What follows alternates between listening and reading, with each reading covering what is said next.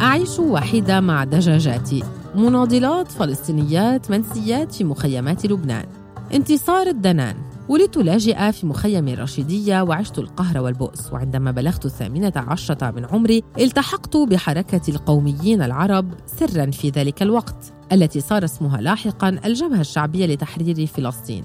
فذهبت إلى اليمن والتحقت بدورة عسكرية تدربت فيها على القتال واستخدام الأسلحة. تتحدث زهرة سليمان وهي تجلس وحيدة في بيت قديم في مخيم برج البراج للاجئين الفلسطينيين.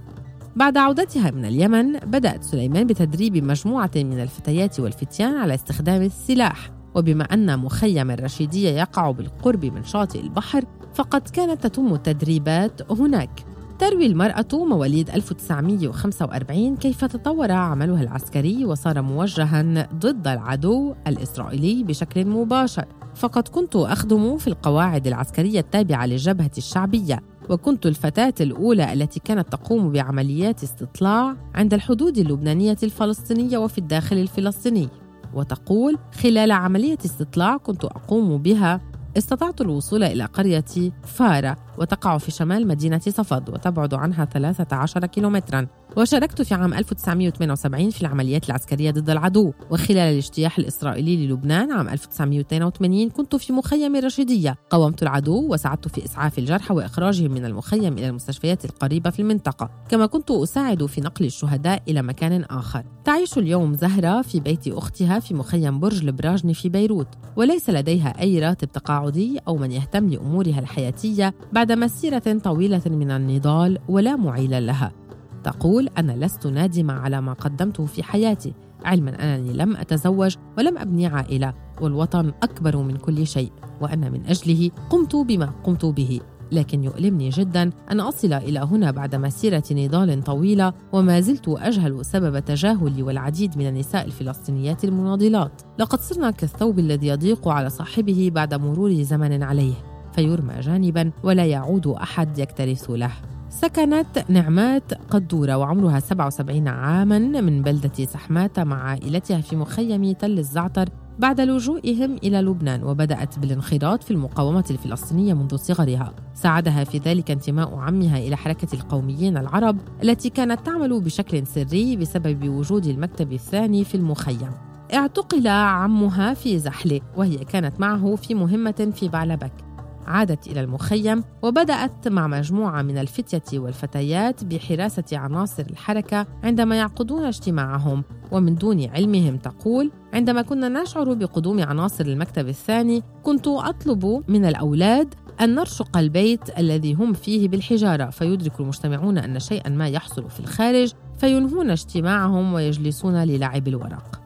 تطورت مهام نعمات فعملت في نقل السلاح وكانت هي القائدة ومعها عدد من النساء. كانت تخبئ السلاح في الحطب وتضعه النسوة على رؤوسهن وينقل إلى المخيم من دون علم أحد. لكن في حصار مخيم تل الزعتر كانت تساعد في إسعاف الجرحى.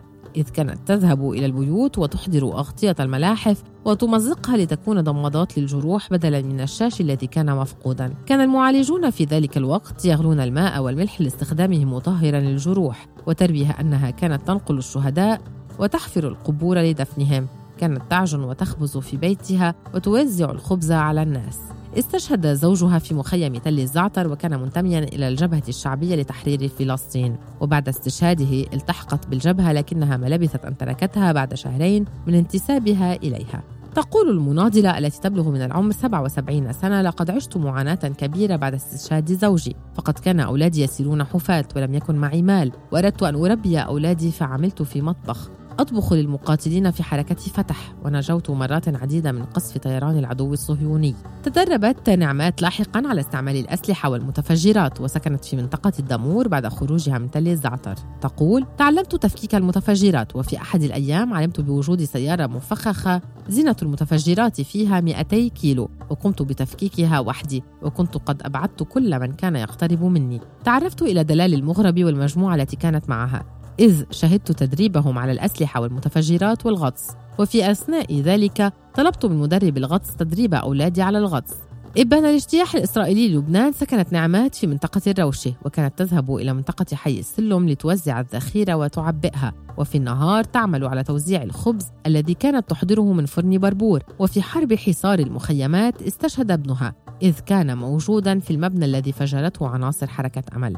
بعد كل ذلك التاريخ الحافل بالنضال تعيش نعمات حياة وحيدة مع دجاجات صغيرة تهتم بها وترعاها ومزروعات صارت صديقاتها وتقول أيعقل أن تصل بي الحال إلى ما أنا عليه؟ وهي تتقاضى راتبا من حركة فتح لكنه اليوم لا يكفيها لتسد جوعها فتنتظر مساعدة من هنا أو هناك كي تحيا بالحد الأدنى الممكن.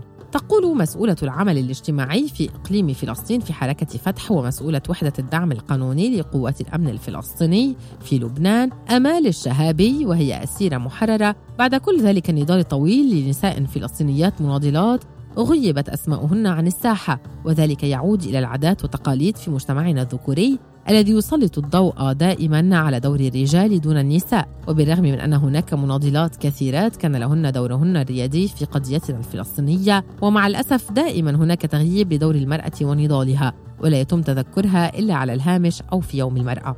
من جهته يقول عضو اللجنة الشعبية في منطقة صيدا عبد الكريم الأحمد للأسف قيادة منظمة التحرير الفلسطينية التي تعد أم الشعب الفلسطيني لا تستطيع احتضان أولئك المناضلات. لأن الهم السياسي الموجود اليوم لا يتوافق مع الأفكار التي تحملها المناضلات والتي تعري القيادة الموجودة حاليا التي تعمل على استبعادهن لأن العمل الكفاحي توقف منذ إعلان اتفاق أوسلو والمفاوضات مع الكيان الصهيوني. فهذا أحد العوامل التي تستبعد من أجلها تلك المناضلات. يضيف أيضا يتم استبعادهن حتى لا يتأثر بهن الجيل الجديد من الشباب والشابات وحتى لا يصرن قدوة فالقيادة اليوم تقصيهن من أجل إبعاد الناس عن التفكير والاهتمام بالعمل الوطني.